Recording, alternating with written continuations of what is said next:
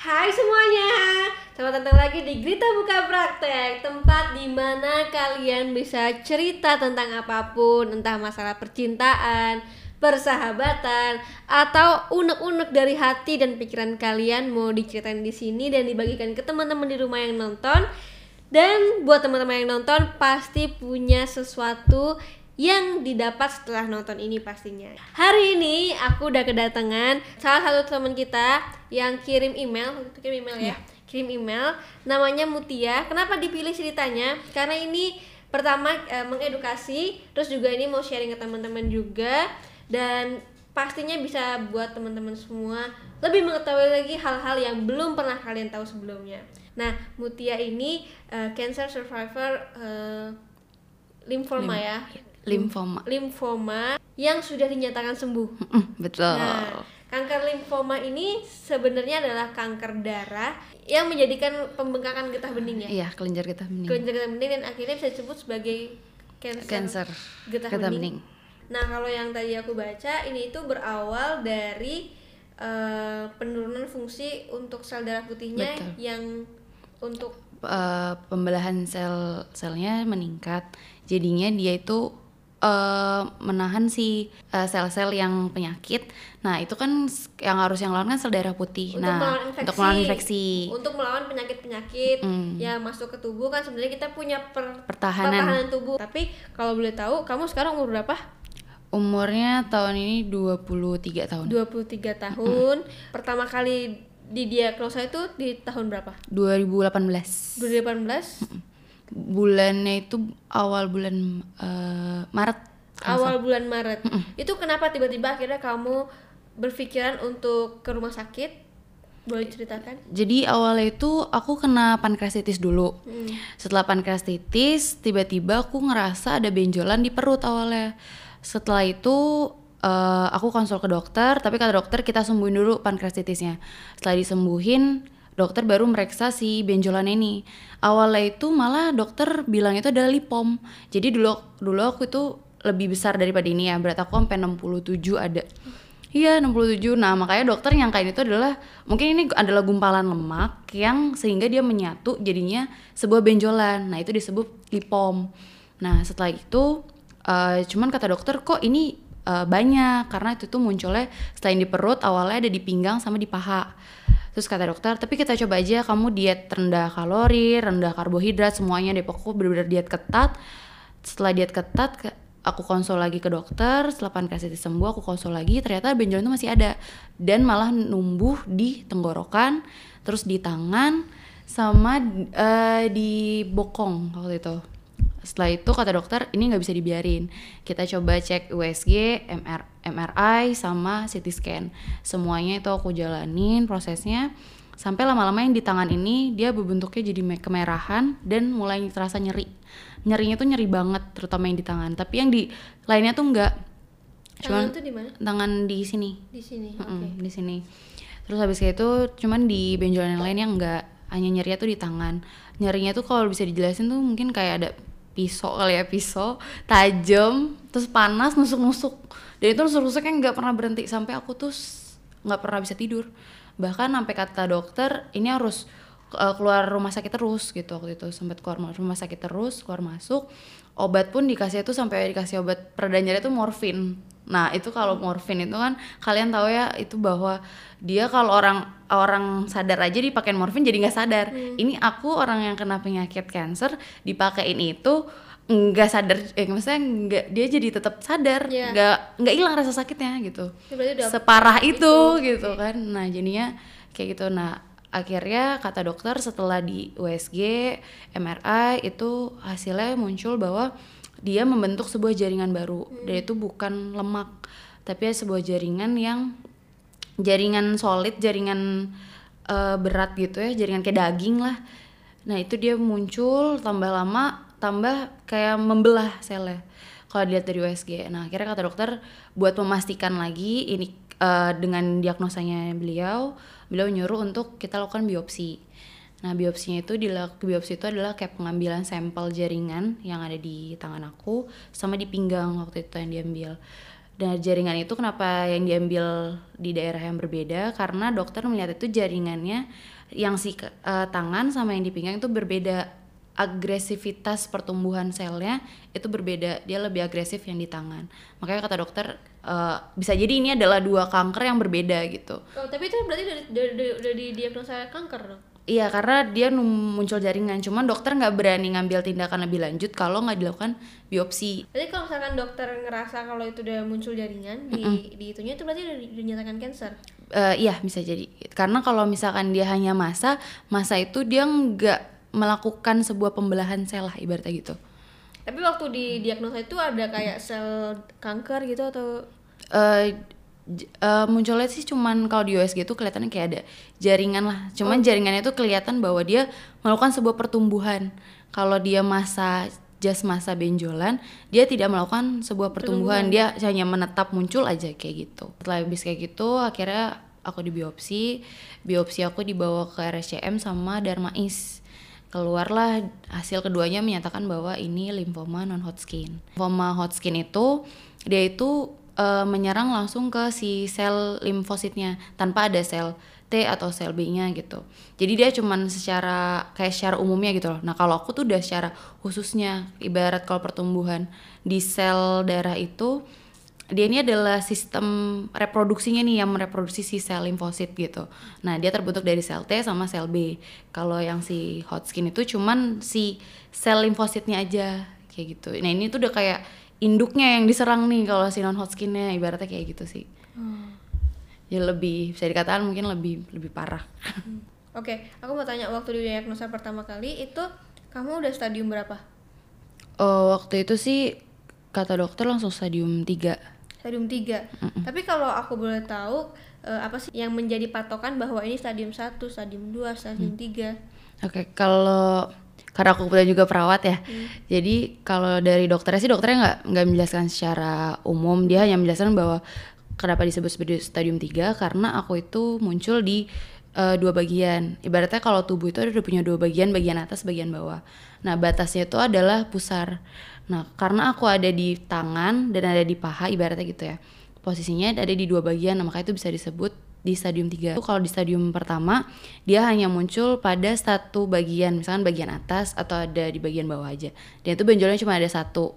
Kalau untuk di stadium 2 dia ada du muncul dua benjolan atau lebih tapi hanya di satu posisi misalkan bagian hmm. atas aja tapi ada dua benjolan di tangan atau di pinggang nah kalau dia stadium 3 dia ada lebih dari uh, dua benjolan dua atau lebih di dua bagian atas sama bawah nah aku di stadium 3 gitu. Oke, okay, kalau kamu kalau kita bicara soal benjolan, hmm. waktu pertama itu benjolan di mana?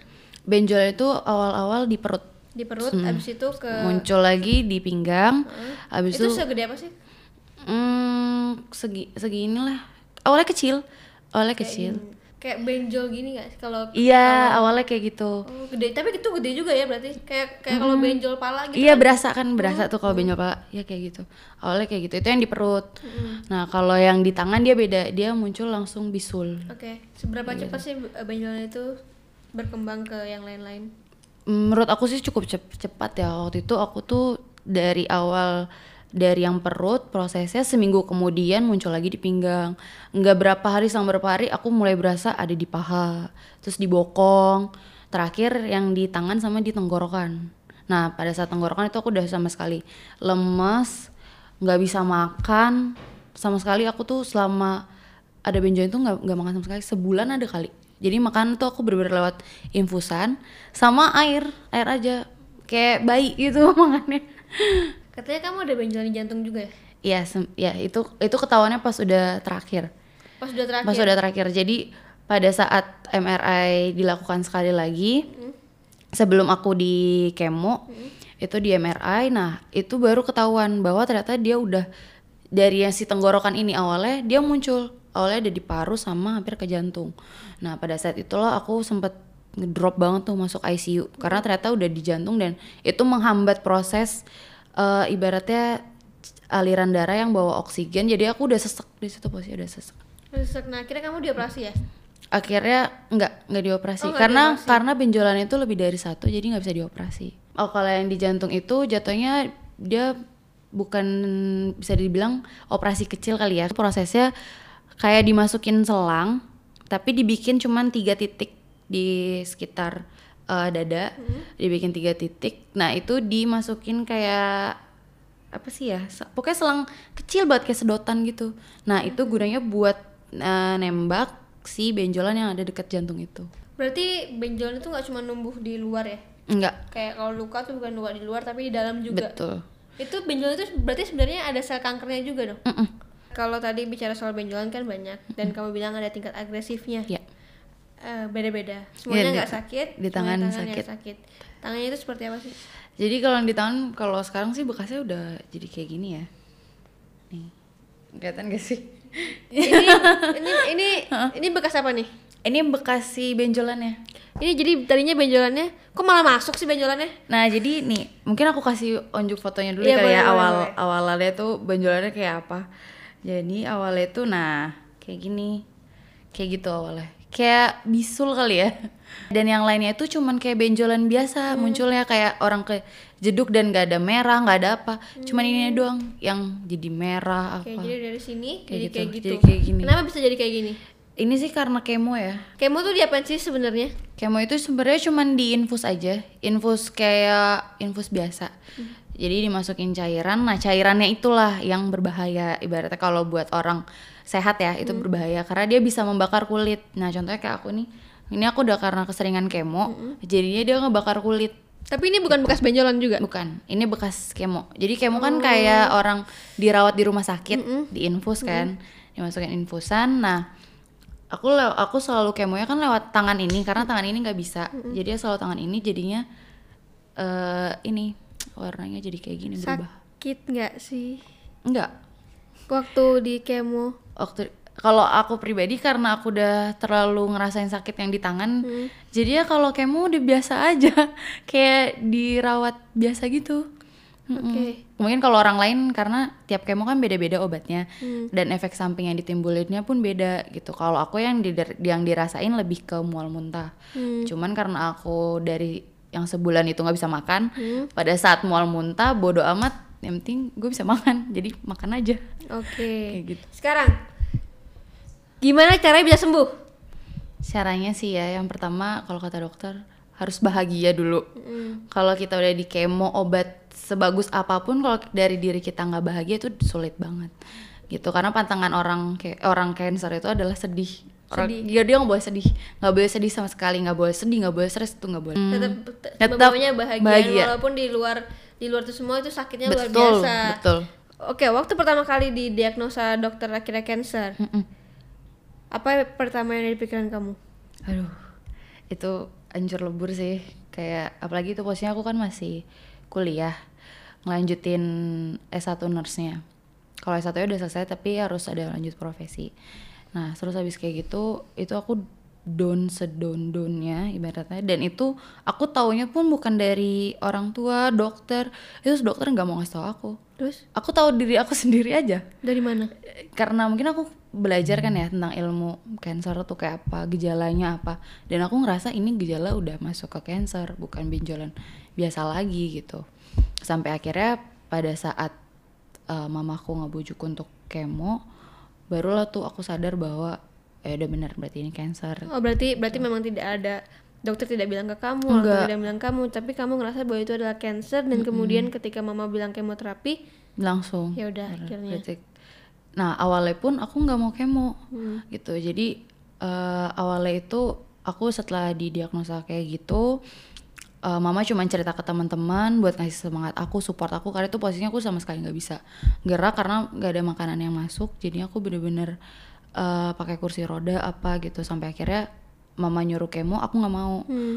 Aku mau terapi aja gitu. Karena aku mikir efek samping kemo itu banyak banget. Apalagi aku nggak siap namanya kita cewek Hmm. meskipun aku pakai hijab kan tetap kalau ngaca kan ngelihat rambut nah efek samping kemo kan pasti ngilangin Rambutnya rambut Ngilang. Berapa lama pengobatan sama kemo? Pengobatannya itu aku kemo enam kali hampir setahun ada kali ya? Setahun dan itu enam kali. Enam kali kemo. Jadi Setahun itu kamu kegiatannya ngapain aja? eh, pertama waktu itu sempat eh, biaya aku kan udah habis ya. Abis-abisan banget buat si cancer ini. Jadi untuk lanjutin kuliah pun nggak ada saat itu. Jadinya aku berpikirnya waktu itu sempat membantuin mama dengan jualan. Karena aku bisa bisa bikin kayak keripik gitu. Coba dia mah jualan kayak gitu sih ngebantuin kayak gitu sama eh, ya udah full seharian di di rumah aja sih. Nah, pada saat kita sakit itulah kita tahu mana teman mana bukan. Dan aku ngerasain banyak bahwa ada temen yang ya emang ternyata bukan teman aku kayak gitu. Sedihnya sih mungkin ya gitu ya karena ada ada satu temen yang udah aku anggap kayak keluarga banget. Aku deket sama dia dari SMA kuliah bareng satu kosan. Tapi pada saat aku jatuh dia nggak nggak jenguk sama sekali. Nggak jenguk sama nggak sekali? jenguk sama sekali. Padahal temen satu kosan aku yang lainnya pun jenguk dan support dan malah tuh sampai ada sahabat aku namanya Vivi. Kalau nonton itu dia yang yang benar-benar seperjuangannya itu ngebujuk aku untuk kemo. Karena kan aku yang nggak mau nggak mau kemo. Itu sih yang bikin aku benar-benar ngerasa bahwa dia beneran sahabat aku gitu. Di saat mama aku ngebujuk aku buat kemo terus sampai pacar aku juga kayak mau apa ngajakin aku untuk ayo semangat kemo. Nggak ada yang mempan gitu awalnya karena aku masih mikirin kayak nggak mau hilang rambut. Itu kayak sedih gitu loh. Hilang rambut tuh nggak nggak bisa gitu. Terus akhirnya di saat itu teman aku eh, iseng ngajak aku keluar aku di kursi roda. Terus habis kayak gitu dia cuman eh, aku duduk terus dia kayak gimana ya pasti jongkok terus gini ke pangkuan aku gitu kan ke paha aku kayak gini terus dia ngeliat ke aku terus dia bilang teh lu mau kemo ya? Terus aku cuma bilang gak ah ntar rambut gue nggak ada ntar gue tambah mual muntah gitu. Kita semua pengen lihat lu ceria lagi kata dia gitu. Terus aku di situ langsung mikir kayak ya ampun kok gue jahat banget sama diri gue gitu. Orang lain tuh mau ngeliat gue sembuh tapi kok diri gue sendiri kenapa nggak mau? Kenapa sulit banget untuk itu cuman kemo loh gitu. Padahal aku tahu kemo itu seperti apa gitu. Cuman ya itu efek sampingnya aku nggak aku nggak kuat gitu. Sampai akhirnya itu pergulatan batin banget tapi aku di situ langsung mikir oke orang lain mau gue sembuh orang lain mau ngeliat gue ketawa lagi nggak cuman diem di kursi roda nggak bisa ngapa-ngapain. Sampai akhirnya aku esok hari langsung sama mama aku kemo aku kemo. Di situ baru aku tapi sebelum itu kamu Gitu sama sekali nggak mau kemo nggak mau Ta- berarti kamu Oh. tapi waktu itu kan sebenarnya kalau kita nonton sinetron yang kita nggak tahu apa nih sebenarnya kalau cancer itu mungkin dari udah di kayak kamu eh, mungkin umur kamu udah nggak lama Mm-mm. Nah itu aku ada aku sempat ada di fase itu saat eh, aku nggak mau kemo. Aku udah kayak ngerasain sakit banget saat saat itu. Terus juga eh, tapi aku masih mau berusaha untuk alternatif obatin tuh hanya via oksigen aja gitu. Nah itu banyak testi, maksudnya banyak eh, teman-teman mama aku juga yang nganjurin ke situ karena ada istrinya yang kena cancer terus sembuh di situ.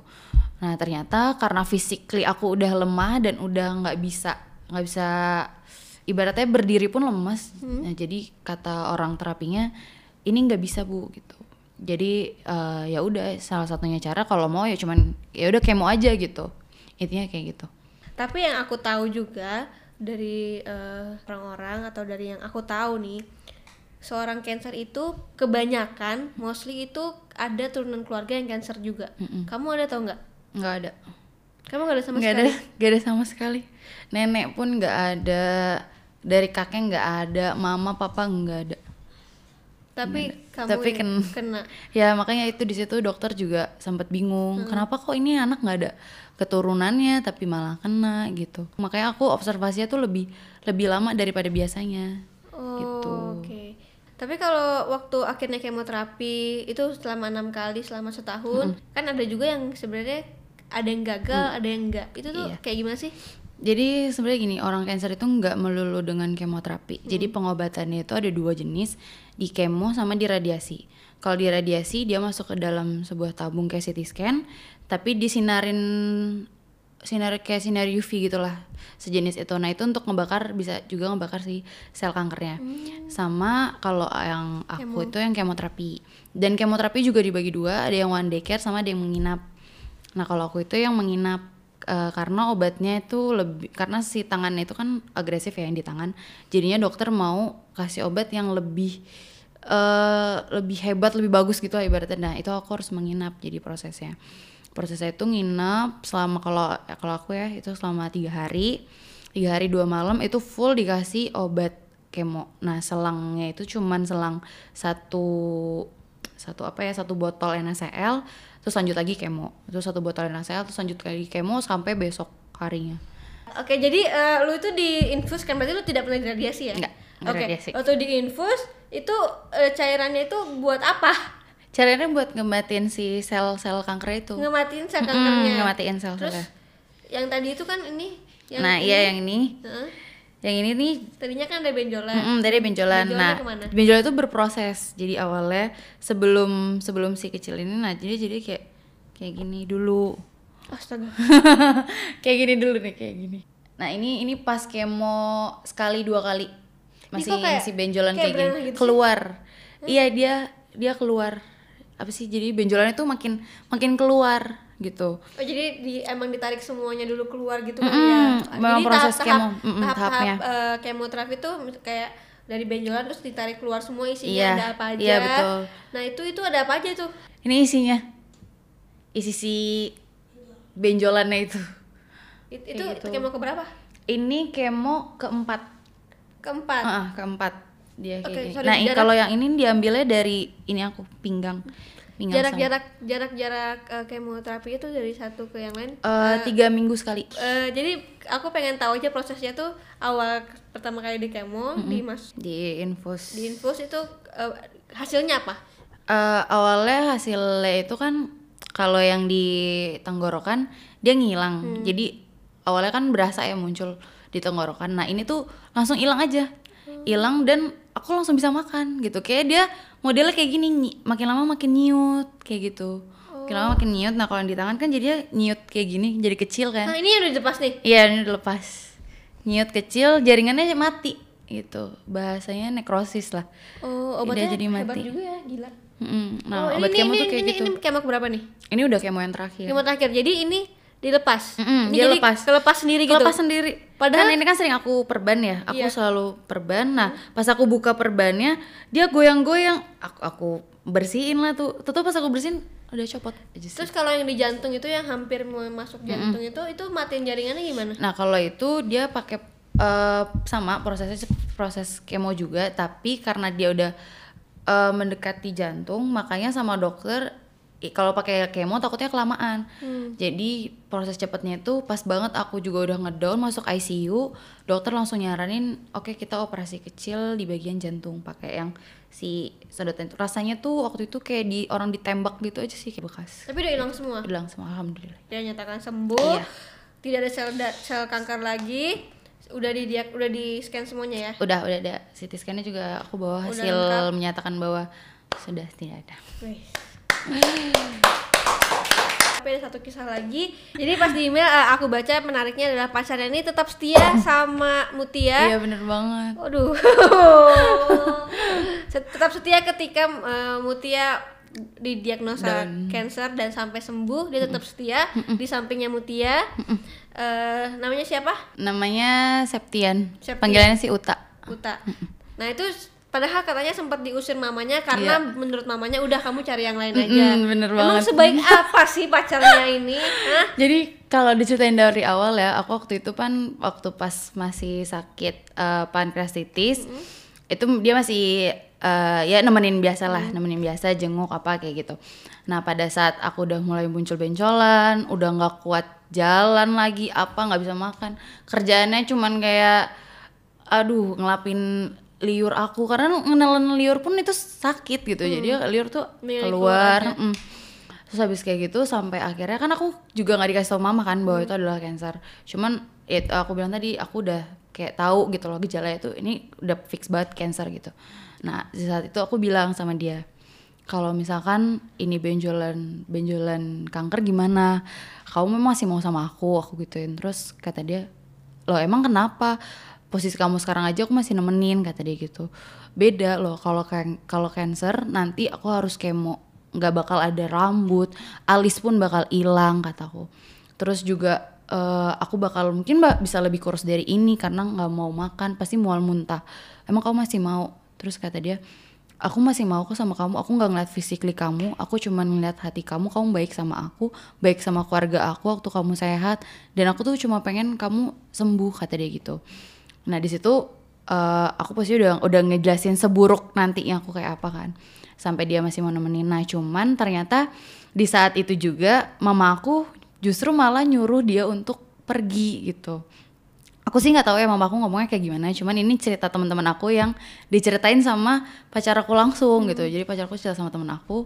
Temen aku cerita ke aku bahwa mama aku tuh sempet ngusir dia. Nah di situ mama aku bilang udah kamu pergi aja cari yang lebih baik gitu. Perjalanan itu masih panjang. Dia aja tuh sekarang belum mau kemo kata mamaku gitu. Belum lagi nanti dia di kemo apa kata mamaku gitu. Udah kamu cari aja yang lebih yang lebih sehat yang lebih yang lebih bisa nyenengin kamu gitu. Kamu libur-libur kayak gini karena dia udah kerja libur-libur kayak gini kamu bela-belain ke sini nginap kata mamaku gitu. Udah mendingan kamu cari aja yang bisa temenin kamu jalan-jalan weekend kata mamaku gitu terus kata dia dia cuma bilang aku sayang sama Uti karena Allah mah katanya gitu. Di situ mamaku juga langsung malah nangis dan katanya malah langsung meluk dia gitu. Terus langsung kayak ya Allah nah kamu baik banget. Memang emang dia tuh baik banget sih.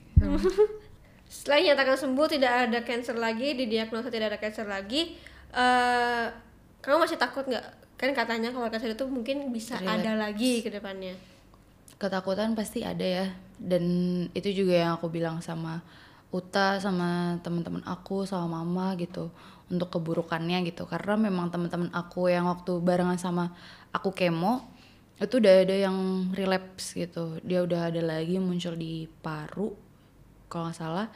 Terus habis kayak gitu ya ketakutan pasti ada ya takut kejadian lagi. Cuman ya aku tetap berusaha untuk bahagia. Karena kalau kata dokter satu kuncinya itu adalah bahagia. Mau kita jaga makanan sejaga apa pun kalau kita tetap stres itu udah pasti bakal bisa relapse lagi. Oke sekarang eh, lifestyle kan berarti tuh sekarang kalau udah sembuh nih kita harus ka- kamu kamu harus jaga lifestyle. Apa sih yang berubah dari dulu sama sekarang?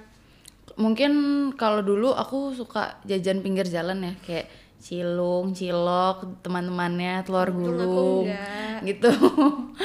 nah sekarang aku lebih menghindari hal itu. Jadi kalau bisa aku bikin di rumah. Kayak kemarin aku baru bikin cilok karena pengen cilok, jadi coba deh bikin di rumah gitu. Terus lebih bersih juga lebih kan? bersih. Terus juga eh, mama sekarang lebih rajin untuk bawain bekal daripada aku beli di luar kayak gitu. Terus sama mungkin perbedaannya aku yang dulunya jarang banget untuk konsumsi sayur dan buah, sekarang tuh rutin sehari itu harus ada sayur dan buah. Oke. Gitu. Tapi tidak ada pantangan-pantangan khusus ya? nggak ada, cuman kalau kata dokter hindari mecin sama makanan yang jorok-jorok aja sih. Oke. Nah tapi kalau eh, kamu kan mungkin udah research banyak banget nih tentang cancer, apalagi apalagi setelah kamu cancer pasti kamu research Betul. banyak. Nah apa sih yang bisa teman-teman di rumah itu pelajari agar tidak terjadi seperti kamu? Oke, eh, mungkin yang dipelajarin pertama tanda dan gejalanya terutama ya, karena kan kadang ada orang yang muncul benjolan, disangkainnya benjolan biasa gitu, ternyata itu bisa jadi benjolan yang cancer kayak gitu. Ada juga eh, orang yang baru ngerasain eh, apa panas di pinggang, pinggang sama punggung, nah itu bisa jadi itu juga gejala dari cancer gitu. Meskipun dia nggak ada benjolan, karena benjolan itu nggak mesti melulu timbul. Kayak aku terjadi kan di benjolan di jantung. Nah, bisa aja itu benjolan terjadi di bagian tubuh dalam, tapi kita ngerasain cuman kayak punggung, eh, panas, lemes, nah kayak gitu. Karena gejala cancer tuh kayak gitu, punggungnya rata-rata panas, pegel, terus mm, tiduran telentang tuh kayak sakit, kayak gitu sih. Oke tapi eh, kalau dari sisi makanan nih ada nggak sih yang harus dijaga? Oh ya, eh, kalau makanan itu yang paling penting ngejaga hindarin makanan eh terlalu sering makan yang dibakar-bakar. Bakar-bakar. Karena yang dibakar-bakar tuh mengandung karsinogen. Karsinogen itu penyebab si sel kankernya timbul. Nah, mungkin aku aku sadarin tuh mungkin aku kena cancer bukan karena turunan karena itu aku tuh dulu diet, sempat diet, tapi diet yang menghindari makanan yang gorengan. Jadi bakar. Nah, jadi bakar. Itu ternyata aku salah. Jadi bagusnya direbus Gitu. aja kali ya. Mm-mm, direbus. Padahal salahnya cuma dikit tapi hasilnya Tapi ternyata hasilnya lebih besar. gila banget ya. Iya, aduh. Heeh. Nah teman-teman di rumah, uh, setelah tadi kita ngobrol-ngobrol sama Mutia juga, semoga apa yang diomongkan sama kita berdua, obrolan kita bisa menjadi pelajaran buat kalian, informasi yang baru lagi, bikin kalian tambah pinter dan menjaga kesehatan. Dan yang aku tangkap di sini bahwa tidak semua cancer kemudian artinya adalah kematian, tapi bagaimana cara kita untuk melawan cancer itu sendiri. Kayak Mutia yang sudah dinyatakan sembuh dari cancer dan sekarang kalau teman-teman dalam kondisi sehat disyukurin bersyukur dan jaga kesehatannya jaga pola makannya uh, jangan macem-macem makannya sayangi diri sendiri juga jangan karena lapar makan macem-macem hmm. terus uh, akhirnya kemudian ada sesuatu yang tidak diinginkan jadi jadi tetap sayangi diri sendiri karena kita nggak tahu apa yang kita uh, lakukan sekarang itu berefek apa untuk ke depannya. Dan buat teman-teman semua di rumah yang mungkin ada cerita yang mau di-sharingkan buat teman-teman netizen nonton, silahkan kirimkan email detailnya ke email di bawah ini hanya satu sertakan detailnya nama nomor telepon dan juga domisili di mana. Jangan lupa saksikan Grita buka praktek setiap Rabu dan Jumat malam hanya di sini di Grita Agatha Channel